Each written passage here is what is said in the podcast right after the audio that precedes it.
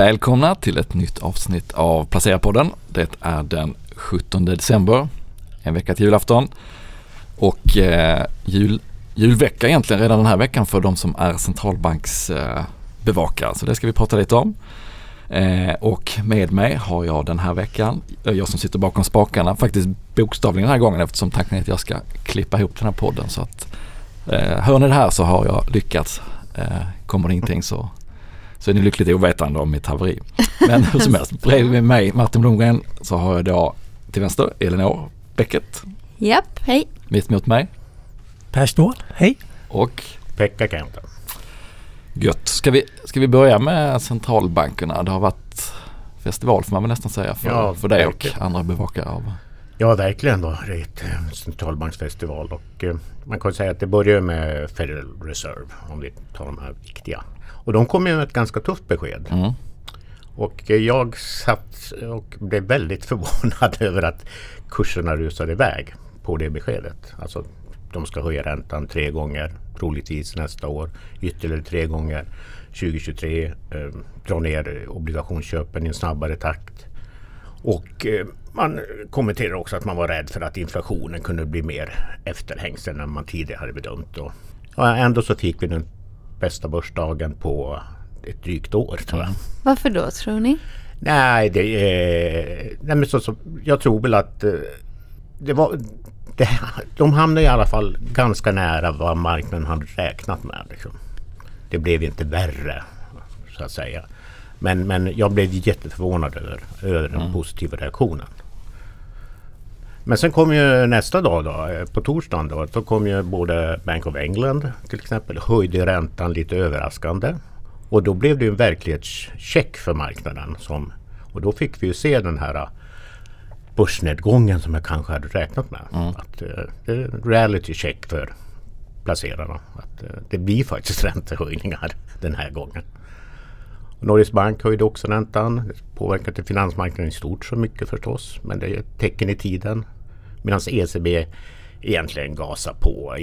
Visserligen så avslutar man den här eh, krisåtgärderna. Eh, men eh, man utökar andra obligationsköp så att det är full gas egentligen. Jag såg en del personer som kan det här bättre än mig som pekade på att det var mycket options eh, handeln som också kan ha påverkat att det blev den här stora positiva reaktionen. Att många som kanske gick ur sina säljoptioner att man hade tagit höjd för att det kunde bli ännu sämre besked då. Så att det, in, det var inte bara att man tyckte att det här var inte så farligt. Eh, och sen vände det tillbaka dagen efter. Så att det kan väl finnas en, en faktor där som spelar i bakgrunden. Ja, det tror jag. Det var ju inte en rolig dag att vara amerikansk techinvesterare igår. Nej, verkligen inte. Det var ju väl, mm. har ju varit väldigt stora nedgångar. Nej, men jag tror att eh, du pekar på något viktigt. Det kanske var liksom optionshandeln som gjorde att eh, folk liksom köpte aktier. Och idag är det tydligen då quadruple witching day. Vilket innebär att både index och optionsterminer både på aktier och eh, eh, både på aktier och index eh, och, och både terminer och optioner eh, går till lösen och det brukar också kunna bli lite extra volatilitet. Det är Kan liksom sista chansen att göra de här stora försäljningarna, eller? Ja precis och det kan man ju som långsiktig investerare strunta i för att det är ju ganska mycket kortsiktigt brus men det, det kan förklara en del rörelser som kanske ser konstiga ut om man bara tittar på vad som fundamenta som har hänt i bolagen eller i centralbankernas eh, kommunikation. Men som sagt inflationen, stort hot. Eh, erkänner centralbankerna nu. Vi har ju fått de här väldigt höga in- inflationstalen i bland annat i USA och Storbritannien. Sverige li- visserligen upp även här. Men, men inte i, i alls samma utsträckning. Så att, eh, men inflation är någonting som kommer vara på allas läppar i inledningen av nästa år. Eller fortsatt vara på allas läppar. Det här skulle vara tillfälligt eh, som Fed kallade det under hösten. Det har de väl eh, backat från då. Ja, de är inte lika tydliga med det i alla fall att säga. De räknar ju visserligen med att inflationen ska gå ner men inte att den ska liksom braka ner så som man trodde tidigare. Utan inflationsprognoserna är ju fortfarande att vi får en inflation runt 3 i genomsnitt 2022. Liksom. Och det är ju klart högre än vad man trodde tidigare. Men de ändrade ju, för jag kommer inte ihåg när det var riktigt, men det var inte så länge sedan de ändrade att det skulle vara över tid och att det fick vara en viss inflation, bla bla bla. Ja. Hur, hur, hur ska man då, vad vet man om den här? Är det bara ett sätt för dem att kunna göra som de vill framöver eller liksom, finns det någon form av så och så länge kan det vara inflation och så och så mycket etc? Ja, det, de har inte siffersatt någonting liksom. Men, men som sagt de, i och med att de kommer det här med att man, inflation över tid skulle ligga runt målet. Då, så skapar de manöverutrymme givetvis.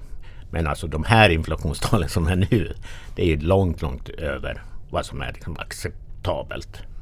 Och sen svider det i plånböckerna, i plånböckerna på de amerikanska hushållen. Även president Biden har sett sig föranledd att kommentera inflationen och lovat att den ska gå ner.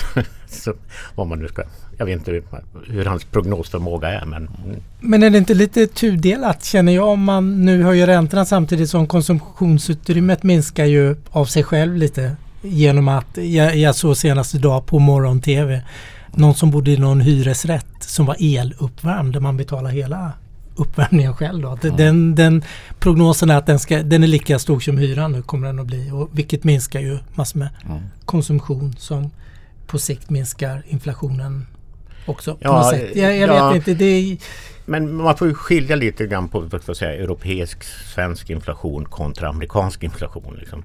Den svenska inflationen är ju väldigt mycket energi och bensinpriser och sånt där. Och jag menar om Riksbanken höjer räntan så inte, inte får de ner elpriser eller bensinpriser. Liksom. Så att de kommer inte behöva agera.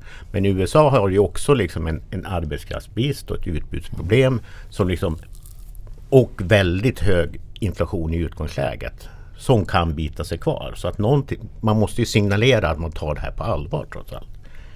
Både för marknaden men även för liksom amerikanska hushåll. Liksom. Men kan inte marknaden ha börjat också på något sätt om räntan är 0,25 eller 1,25 det spelar inte så jättestor roll egentligen. För det är ändå så pass historiskt låga räntor.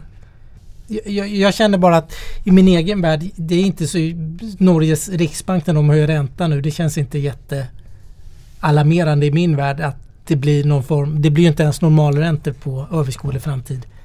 Nej, eh, jag tycker också att eh, det, det, inte ska spela så stor roll. Så länge liksom vi har en ekonomisk tillväxt så ska ju marknaden kunna svälja de här mycket måttliga mm. eh, räntehöjningarna.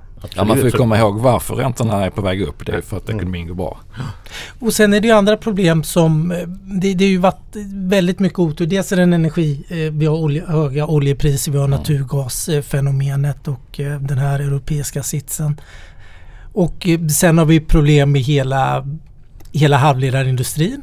Att eh, allt håller på, ska ha en liten halvledare i sig allt som finns ska automatiseras. Även brödrosten ska ha en liten halvledare och vara uppkopplad. Och samtidigt då som vi har problematik med transporter. Men jag pratar med flera förvaltare och de säger att den här transportproblematiken bygger man bort för det bygger företagen bort. Mm. Det, det, bygger transportbolagen bort. Det kommer sannolikt bli överkapacitet igen.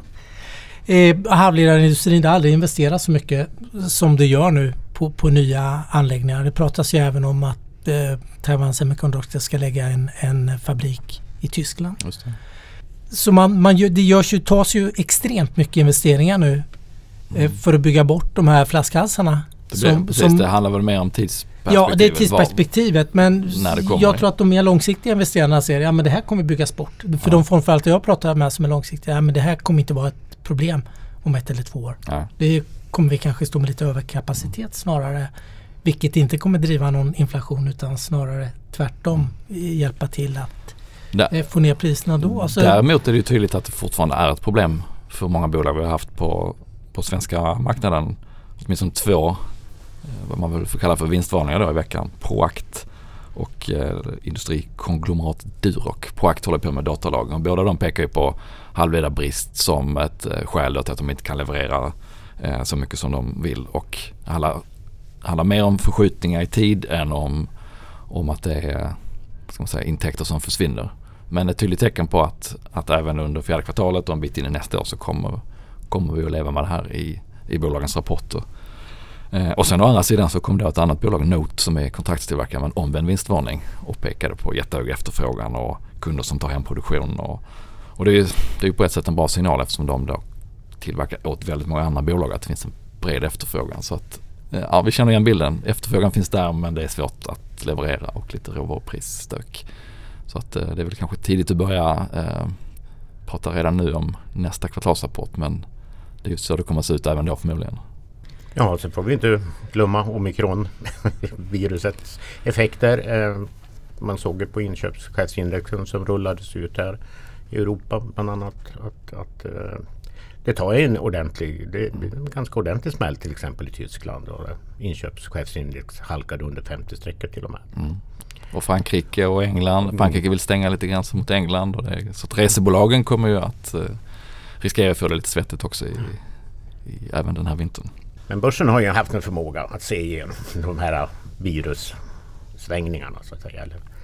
Ja men så är det och det, nu är det bara någon vecka kvar men vi ser ju redan nu hur det fortsätter komma jättemycket stora affärer som vi kan driva tillväxt långsiktigt Om. Nobina blev uppköpt i veckan eller fick ett uppköp, uppköpsbud på sig. Eh, Mathem går ihop med Mat.se som är eh, Mat.se är Axfoods då, hemleverans mat och eh, Embracer gjorde en jätteaffär 28 miljarder stängde en ny emission bara på någon timme på kvällen efter så att vi ska nog räkna med att vi kommer att kunna se ganska mycket stora affärer tror jag nästa, nästa vecka och även mellandagarna.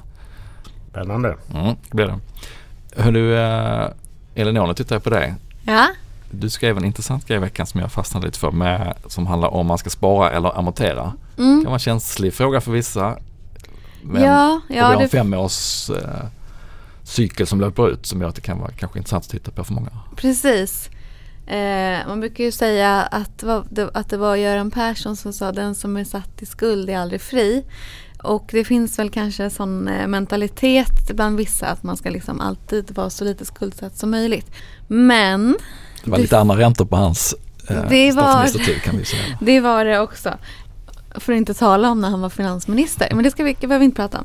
Men eh, jo, så här. För fem år sedan, lite drygt, så kom amorteringskravet. Och då är det ju då vid vissa gränser så man, måste man amortera 1% eller 2% och det är 50% av bostadens värde eller 70% av bostadens värde. Det som också bestämdes då var att man får inte omvärdera bostaden oftare än fem år. Eller om man gör en jättestor utbyggnad eller liknande. Det som har hänt nu då, är att det har gått fem år. Och man kan alltså omvärdera sin bostad och kanske sänka sin amortering. Och tänker man då kanske, men är det inte bra att amortera? Jo, i väldigt många fall är det jättebra att amortera. Men det finns också fall där det kan vara bättre att, kanske amortera andra lån. Väldigt många har till exempel en belånad bil. Man har högre ränta på billånet än vad man har på bolånet. Och då är det bättre att amortera det, det lånet som har högst ränta helt enkelt. Har man dessutom väldigt lite utrymme i sin ekonomi eh, så är det mycket bättre att ha en buffert såklart. Man ska kunna klara några månaders utgifter utan inkomst till exempel. Eh, så att det kan finnas väldigt bra exempel. Och sen ett annat exempel det är också när man börjar närma sig åldern 60. För då blir det väldigt mycket svårare att Eh, få lån och framförallt att få lite större lån. Helt enkelt för att banken räknar med att man får en betydligt lägre inkomst. Eh, och det kan också vara en anledning till att inte amortera och istället använda de pengarna till att spara. Man ska kanske inte använda sina amorteringspengar till att konsumera då. Eh, däremot. Så det kan man väl tänka på. Men som sagt, alltså, när man sparar pengar, dels så har du ju chansen att få lite högre avkastning. Givet att eh, den genomsnittliga avkastningen på börsen till exempel är så pass mycket högre än den du betalar i ränta. Mm. Plus att räntan är ju ganska kraftigt avdragsgill också. Vilket man kanske inte alltid tänker på. Så att, eh, och dessutom så om det nu något, man skulle bli satt på pottkanten så kan man ju heller inte bara plocka ut pengar ur sitt hus. Det är också skillnaden. Så ja, jag ville slå ett litet slag för det. Ändå. Klokt. Och då får man ju tänka när det gäller börsen, ska man ha pengarna på kort sikt så kanske det inte är där man ska lägga bufferten då. Men på lång sikt är det ju är vi ju alla ganska överens om att det är där man ska vara. Ja, precis. Och så, såklart, har man en väldigt hög belåning på sin bostad så ska man ju amortera. Men i det här fallet så handlar det ju om folk som då kan sänka sin belåningsgrad. Mm. Så ja, det var... Och det kan väl också vara ett bra argument för att få en sänkt ränta att man har lägre belåningsgrad när man förhandlar räntan med banken. Absolut. Och skulle vi se nu att räntorna går upp här framöver eh, och då är det klart att då förändras ju de här relationerna till varandra. Så, och då är det ju inte alls eh, samma lika att det skulle vara precis så Mm. uppenbart som det kan vara idag. Så ja, man får hålla lite koll helt enkelt. Jag tänkte på en annan sak. Något som debatten går från tid till annan. Det är ju Mm. ränteavdragen. Det har ju varit helt tyst nu. Det förs ju ingen, Mm. ingen politiskt parti, ingenting som eh, pratar om att man vill avskaffa eller minska ränteavdragen. För nära valet kanske. Det är lite för många som skulle tycka att det Men var det är väl nu man borde göra jobbigt. det. När det är låg ränta. Ja, men jag tror den, om någon gör någonting åt ränteavdragen kommer det nog vara efter ett val och inte före. Skulle jag gissa. Mm, är Men lite min poäng är att de bromsar ju ränteuppgången lite. För du betalar ju egentligen bara 70% av ränteuppgången också. Så det, det blir i alla fall en liten kudde, eller hur Pekka? Nu om marknadsräntorna skulle börja ticka upp åt lite mer då. Eh, Men Per, eh, hur man ska, vara, man ska vara på börsen är vi överens om. Hur ska man vara positionerad på börsen om man ska lyssna på de stora fondförvaltarna? Jag vet inte om de brukar, hur, vad deras men- liksom hit Ja, men det, är det, men det är ju fort... den här Nej. BOFA månadsvisa Ka- kassan är enkäten ganska, är ju alltid kassan intressant. är ganska bra att se på. Den har varit nog bäst. Hur, stor kassa man har, Ja. förvaltarna har. Den steg ganska Den har de kraftigt dragit upp nu, va? Ja, den har man dragit upp och den har gått över 5 då som något snitt och då brukar det vara en köpsignal. Mm. 5,1 faktiskt. Lite kontracyklisk indikator men För då har, de redan, då har de redan lagt sig lite defensiva. ja, det är väl det vi har sett nu sista veckan också. För Ja. den gjordes i början på december den senaste och från mitten på november har ju börsen gått ganska dåligt. Så riskviljan har ju sjunkit betydligt nu sista månaden. Men det är ju fortfarande, som Pekka brukar säga, TINA finns inte så stora. Man underviktar ju fortfarande obligationer. Och eh, det är fortfarande övervikt aktier. Nu är det kanske lite mer defensivt och sånt som går... Jag menar aktier per si är ju kanske inte... Det är ju tillgångslag som inte gynnas när räntorna stiger. Men sen finns det ju inom aktietillgångslaget Ja, dels olika regioner såklart, men olika sektorer som är olika känsliga för, för en ränteuppgång. Och sen finns det ju de kanske som nästan gynnas lite av det. Som banker är ju en sån Mm. verksamhet där man kan öka Och hälsovård låg ganska högt också så Ja, på hälsovård eh, ligger hur de hade viktat de sig. gynnar för det är väldigt ocykliskt. Du behöver din diabetesmedicin eller cancermedicin eller vad du nu behöver för Mm. medicin. De behöver du oavsett om det är upp eller nedgångar. Och det är lika många som insjuknar i tyvärr sådana jätteallvarliga sjukdomar. Ja, det är ju Ja. någonstans konstant eller kanske tyvärr lite tillväxt då. Så det är ju sektorer då. Jag tittade just, gjorde ett nedslag på bank eller finans-ETF tittade jag på för det är en sektor som normalt brukar gynnas. För dels är bankerna, traditionella banker, en stor del av finansindex. Det är knappt halva indexet då. Sådana här traditionella som JP Morgan är största bank, det är världens största bank men det, det handlar mycket om in och utlåning. Och man tjänar bättre, marginalen ökar när räntorna går upp då. Eh, Och även det, det täcker finansindustri och försäkringsbolag. Så där är väl en liten hamn då där man ser att investerarna har, börjat har positionerat sig under hela året. För jag, jag tittar på bank och finansindex globalt. Det har ju gått extremt dåligt. Det har ju underpresterat i 20 års tid. Eh, men i år har det ju överpresterat betydligt. Trots den här överpresteringen som är fenomenal i år mot globalt aktieindex så är värderingen är hälften mot vad de globala börserna är värderade till. Och direktavkastningen är närmare 60% högre Mm. inom den här sektorn. Men kom inte mycket av den här uppgången i början på året när det, när det började stå klart att Ja, nu, nu kommer snart utdelningarna tillbaka och, och räntorna på väg upp och sen har det väl flackat ut lite. Ja, det känns som det är min bild. Ja, det är nog min bild också. Men det är lite mer risk av. Vi får väl se. De är ju ändå, synen har ju varit då lite som Pekka var inne på att man, man kanske har trott på, det blir ju konstigt snitt 2,3 procent eller 2,3 räntehöjningar hos Fed då. Vilket är svårt att få till just 2,3 då. Men det har väl funnits en bild. Nu pratar ju Fed om 3 då men du har ju ändå varit invest- det är- och det är ganska många som har haft tre. Även vissa som har haft fyra då i investerarkollektivet. Så det är, alla har ju inte legat fel och det överraskar ju inte alla den här Nej. det Pekka är inne på. det, Men, eh, men en stor del. Men Men prissättningen på räntemarknaden, alltså om man tittar på Fed Futures så, så var det prissatt att det skulle vara tre räntehöjningar under 2022. Men det är analytikerkåren som Ja. har pratat om att det bara skulle vara två. Ja och förvaltarna Mm, mm. då som i huvuddel är ju kanske övervägande mer aktier än just obligationsförvaltning då. Har trott, då landar den på ja, 2,5 eller någonting i bästa fall då. Ska man inte alltid kolla på prissättningen då? Jag bara, du frågade mig förut om eh, ett ränteförvaltare var smartare Gjorde jag det? än aktieförvaltare. Ja, Det var, det du är som de. frågade, det var du som frågade själv. Ja, nej, men eh, det är klart man ska titta på det. Mm. Eh, Och den här gången var det en ovanligt stor diskrepans mellan vad analytikerna sa och, eller trodde och vad marknaden hade prissatt faktiskt.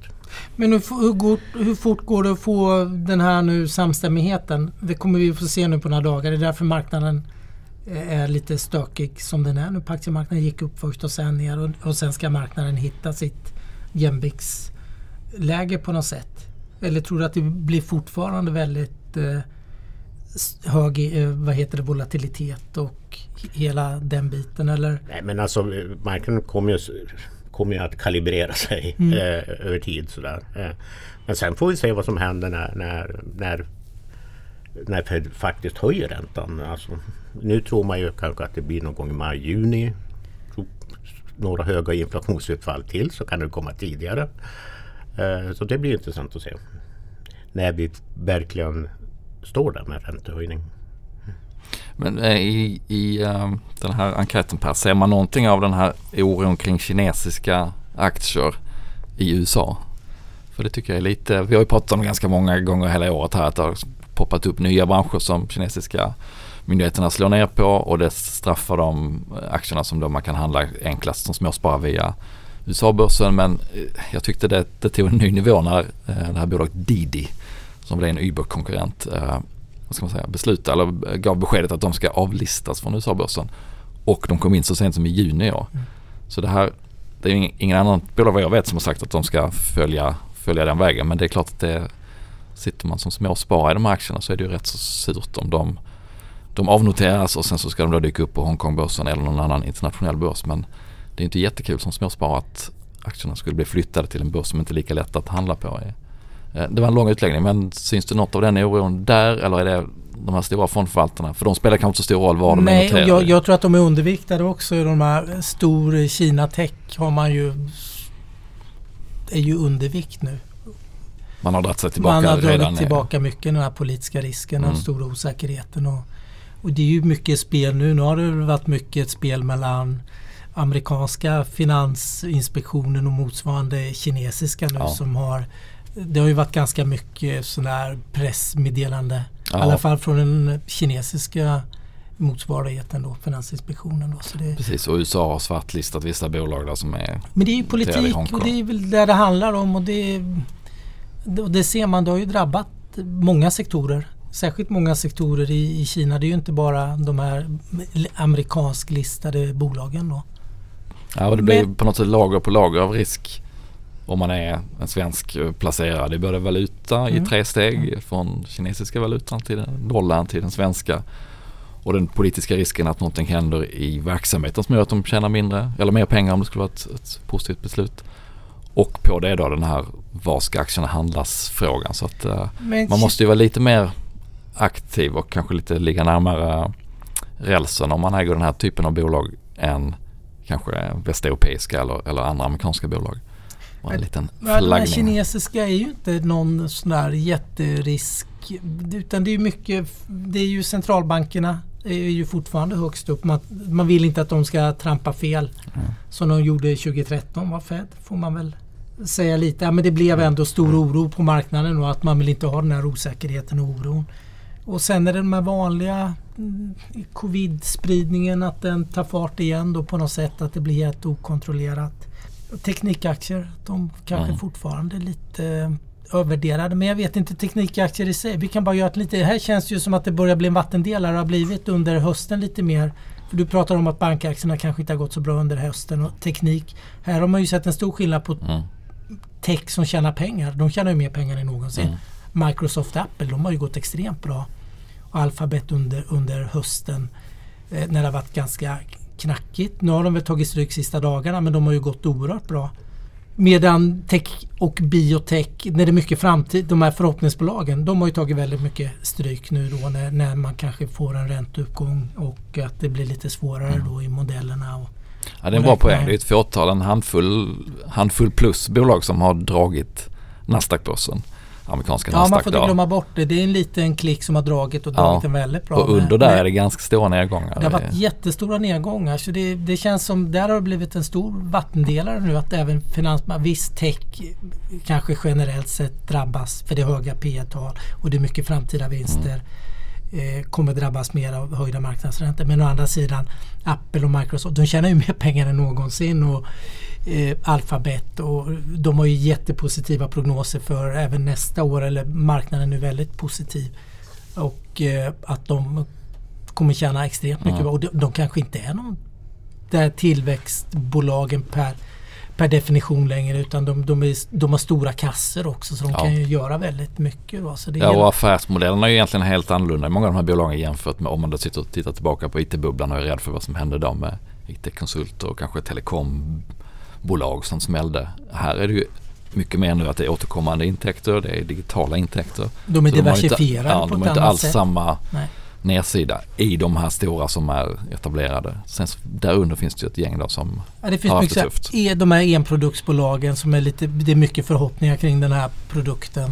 Och man har inte, tjänar ju inte de här vinsterna då riktigt idag kanske Nej. som man ser att det går att tjäna om kanske två, tre, fyra år. Det är klart det blir lite tuffare. Mm. Och sen lite corona på det och lite högre ränta. Ja, okej, då kanske vinsterna kommer om fem eller sex år. Mm. Det är klart, då tar de stryk. Och lite årsskifteseffekt kanske att man vill städa upp vad man visar upp i sin fondportfölj inför årsskiftet. Vad som ser snyggast ut.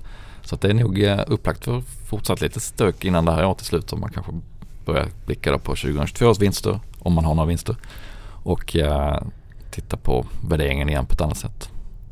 Men är ni själva oroliga att vi har eh, nått toppen för den här börs, långa, långa börsuppgången vi har haft? Eller? Jag, jag börja som jag ändå har pratat så kan jag vara tyst. Ja, jag, känner ju, jag tror att det blir någon tråkig lite sidledes börs som det har varit nu kanske sen i augusti. Den kan väl mycket väl... Eh, jag har ju flera innehav som betett sig sådär genom åren. Jag tänker Amazon är ett sånt innehav. Den är flat i år. Gick jättemycket förra året. Och året innan gick den dåligt också. Året före det gick den jättebra. Det är lite såhär varannan års eh, aktier. Jag, jag, är inte förvånad om börsen kanske ska växa in i värderingarna och hantera de här ränteuppgångarna som blir. Och, och man kanske löser lite knutar med transportbolagen, börjar lösa transporterna. Kanske, ja, jag kan tänka mig att det kan vara lite halvtråkigt fram till sommaren. Jag är inte alls Ja, främmande för det. mm. Lite hög volatilitet och kanske rent av sidledes. Ja, jag törs inte säga någonting. Nej. jag, kollade på svenska börsen liksom, eh, under eh, tio år bakåt i tiden. Och den genomsnittliga avkastningen är faktiskt 17 procent. Oh, herre. Det är inte vad det är Sen på det, ett ännu sen, längre nej, sen, sen, det, sen det vände då någon gång 2012 liksom, när vi hade passerat finanskris och eurokris och fick. Mm. Och det är bara ett år under den här tioårsperioden som börsen har backat. Det var 2018 och då backade den bara med 4,5 procent. Så det är ju klart vi har en fantastisk resa Mm. bakom oss. Och Det borde väl inte konstigt om, om, eh, om vad heter det, vi fick ett lite eh, svalare år. ja. Rent statistiskt, det är ju ofta om man jobbar med det här, då är det ju ofta man får den där frågan eller det kanske är någon tävling och sådär man ska gissa. Och när man säger att det ska vara ungefär sidledes eller svagt neråt, då har man nästan alltid fel. Mm. Så det får ju en bara där och Mm. tänka att det ska liksom gå upp. Ja, det brukar ju skjuta över eller skjuta under. Men vi hade ju faktiskt några år, tre, fyra, fem år tillbaka där det nästan varje år slutade sådär 5-6 procent upp. Vilket inte är det vanliga om man tittar ännu längre i Var det inte perspektiv. 2015 som det liksom gick sådär? Eller? Nej, för det var en två, tre år där det liksom, kanske var, ja. som avvek då från, det vill vara nära snittet vad börsen brukar ge men, men snittet brukar inte spegla hur de, de enskilda åren går. Nej. Så att, eh, ja, men jag är nog också inne på, på Pers linje där, tror och kanske hoppas på att det blir ett, eh, ett positivt men, men lite lugnare år. I, eh, där det växer, man kan växa in i värderingarna och eh, en del bolag kommer ju att få jättemycket stryk och en del kommer att gå jättebra så att det kommer alltid finnas möjligheter. Men Pekka, Börsen, börsen brukar normalt sett stiga när amerikanska centralbanken påbörjar sina räntehöjningar. Så det är bara liksom takten på räntehöjningarna som spelar som är väldigt negativt på börsen. Så riktningen spelar ingen roll? Nej, utan eh, det är utan- takten? mm, mm. Och det finns ju för att ytterligare öka förvirringen kring den amerikanska centralbanken så finns det ju numera två skolor kan man säga. Det är alltså av, av de nervösa, de som är nervösa för räntemarknaden. Det är- Den ena skolan säger att an- man höjer, att risken är stor att man höjer för tidigt och man höjer när ekonomin är på väg att svalna av och därmed liksom ska, skapar en större nedgång. Men den andra skolan tror jag att den amerikanska centralbanken är för sent ute och kommer att tvingas höja räntan mycket snabbare. jaga liksom. ikapp, ja. Behind the curve som Ja. man brukar säga. Så att eh, Vilken skola gick du i? jag, jag är mitt, Mag- Magistern. jag är i mittenfältet. Ja. Mm. Spännande. Hur, eh, hur har det sett ut i veckan för er egen del då? Har ni gjort några affärer? Mm. Elinor? Mm, ser du? Eh, ja, eh, jag gjorde en liten, ehm, vad ska vi kalla rebalansering. Vilket jag för övrigt kan eh, tycka att det kan man göra. Kan man pass, kanske passa på nu när det har gått ett Det får du år. nog utveckla. Ja men helt enkelt så kan man då kika, eh, nu har, det beror på vilken bank man har och så men om man har så fiffigt så att man kan titta eh, hur stor del av innehavet är till exempel en aktie eller en fond. Och hur stor del av ens fondinnehav är just de aktierna och så vidare. Eh, så, och, och det gjorde jag och då märkte jag att jag hade några att jag ägde väldigt mycket Boliden, vilket jag kanske borde ha märkt utan att göra så. Men det kändes inte så bra. Framförallt när man kan tänka att, eh, att eh, råvarupriserna har pikat och så. Så jag, sålde, jag har sålt Boliden. Eh, jag har en aktie som heter Enea som är med på köpvärda Ja. Den har gått rätt bra så den har också vuxit sig lite för stor tyckte jag. Inte gått jättebra men ändå helt okej. Och sen så idag så fick jag ett plötsligt infall efter ett annat plötsligt infall som inte var så smart. Det var att när, eh, vad heter hon, Alison, Alison eh, Kirkby. precis blev eh, vd för Telia så tänkte jag han man ska aldrig köpa Telia precis som man aldrig ska sälja Investor. Eh, och det, men jag gjorde det ändå vilket var jättebra en liten kort period men sen dess har det inte alls varit Mm. bra. Så då sålde jag det. De andra två drog jag ju ner på. Mm. Telia, nu körde jag då bara bort allt. Ja, överraskande trötta. Jag trodde också att eh, hon tillsammans med Jan Heimer då som är ordförande väl skulle få en sprutt på det där men eh, ja. Nej, mitt tålamod tog slut helt enkelt. Men jag äger ju Telia till exempel. Men jag, jag, jag betraktar den inte som en aktie utan som en obligation. ja. Ja, ja men det var ju lite så jag hade i mm, baktanken också men jag fick ändå nog. Men, men ja, jag brukar inte bry mig så mycket om kursen faktiskt. Men de har ju hittat en ny intäktskälla. Det skrev jag faktiskt en artikel om i veckan. Eh, operatörerna, att, precis att de säljer av, eller intäktskälla, en, en engångsintäktskälla. Att man säljer av sina mastbolag till bolag då som är renodlade mastägare. Eh, vilket blir att betrakta nästan som fastighetsbolag då som kan hyra ut olika våningar på masterna till olika operatörer. Som nu då växlar över från 4G till 5G och då kommer det att behövas mycket mer utrustning på masterna och eh, då kan man omförhandla hyrorna på masterna. Så att eh, de är ju också kanske att betrakta mer som obligationsliknande aktier eller fastighetsaktier än några supertillväxtaktier. Men en ganska spännande trend där Telia är en av de som nyligen har gjort det där med sin, det var väl den finska och norska mastbeståndet som de sålde. Ursäkta utläggningen. Då jag tycker över till ordningen. Då är det... men det var Men jätte- vet du, får jag bara säga en sak? Eh, Ja. Detta då, eh, då har jag ju lite pengar här som jag Ja. ska liksom omfördela. Men det har jag ännu inte gjort. Och det är jag rätt glad för. För jag vi pratade, var det förra veckan, två veckor sedan, kommer inte ihåg, pratade mycket cybersäkerhet. Tänkte jag, det ska jag Mm. köpa. Eh, och lite mer stortech också. Det gick ju ner igår. Vad sa du? Quadruppel? Quadruppel. Quadruple witching. Ja, precis. Eh, så jag bara sitter här nu, gnider mina händer och väntar på att USA-börsen ska göra jobbet liksom, upp. poff, Så får vi se om det händer eller inte. Men eh, då, då tänkte jag väl kanske att jag skulle handla lite mer Adobe, lite mer Microsoft och även lite cybersäkerhetsbolag då. Det var min tanke. Bra, då får vi följa upp eh, längre fram om du Om det blev eh, bra eller på dina planer. inte. Precis. Per då, har du gjort något? Jag har gjort en... Jag var inne och handlade igår. Ja. Sent, halv tio. In och handla, det lät som att du gick in Mm. på handlargolvet. Nej, och, men jag köpte Adobe. De eh, kom ju med rapport igår, var ner 11 procent. Så där fyllde jag på.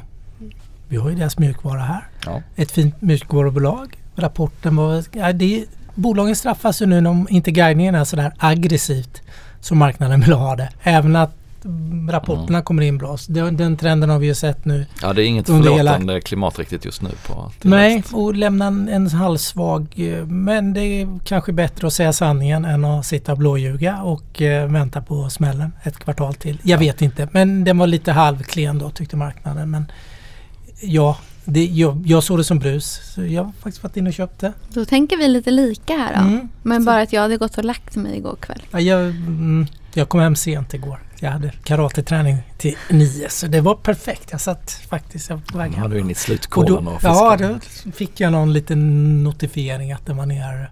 Att det, det gick ju ner väldigt mycket sista timmen. Mellan 9 och 10. Ja. Så var det. Så det var en tillfällighet. Annars hade jag också legat och sovit. Så är det. Och Pekka har du också varit inne på Nej, jag, handlargolvet. nej, jag har eh, legat lågt. Eh, verkligen. Ja, det- centralbanksveckan och jag räknade med ganska beska besked. Eh, så då... Eh, bättre att avvakta dem tyckte jag. Sen får vi se. Jag har också ganska mycket i kassan just nu. Så det är in och köpa här inför julen. Ja. Ja, och för egen del jag har inte heller gjort någonting men eh, jag nappar lite på det här med rebalansering. Jag ska nog in och kanske ta, man kanske ska ta sig en ordentlig fundera inför årsskiftet vad man vill gå in med för eh, vad man vill ha i motorn när man kör igång 2022. Så att eh, ja, får väl återkomma om det blir några affärer kommande vecka. Får jag bara ställa en fråga till Pekka som jag tänkte på nu i Adobe-caset när man har guidat lite svagare på något sätt och man tar liksom okej nu guidar vi sådär vi, vi, och de visste sannolikt om att det här kanske inte är vad marknaden förväntar sig. Tror du Fed har tagit i också nu? För de sitter ju också och guidar. Det, det är ju som en företagsledning eh, på något sätt nu eller har man hållit igen lite att det blir bäskare längre fram eller tror du att det man har sagt nu det är liksom ja Nej, det är det som gäller. det är det som Det gäller. det som gäller. Eh, man kan säga att de här enskilda ledamöterna i den här räntesättande kommittén fick ju lämna sina egna prognoser. Dotplott. Dotplottarna. Och det är, det är ju tydligt att man, man vill höja. Och man har varit på väg i den riktningen länge. Liksom. Sen kommer man att gå lugnt fram. Alltså tre höjningar skulle betyda någon ränta då, runt 0,75. Liksom. Det är ingenting som borde, som sagt var, inte borde skrämma ihjäl börsen. Precis. Gott, ska vi ta helg och ladda inför julveckan nästa vecka då? Du sa ju det när du kom in idag, så glad i hågen. En vecka till jul. En vecka till jul, Afton ja. sa du. Men, och innan dess vill vi ha en, då vill vi se fler stora affärer. På min önskelista har jag att Inwido, att de innan ska köpa någonting. Det har de lovat länge nu. Det är dags att Leverera. komma med något i säcken innan jul. Se om de lyssnar på det här och kan fixa till det. Men eh, då säger vi tack för den här veckan och trevlig helg. Tack och trevlig helg. Trevlig helg. Tackar så mycket. Trevlig helg på er. Då tycker jag stopp här bara. Ja, eller bara paus eller stoppa.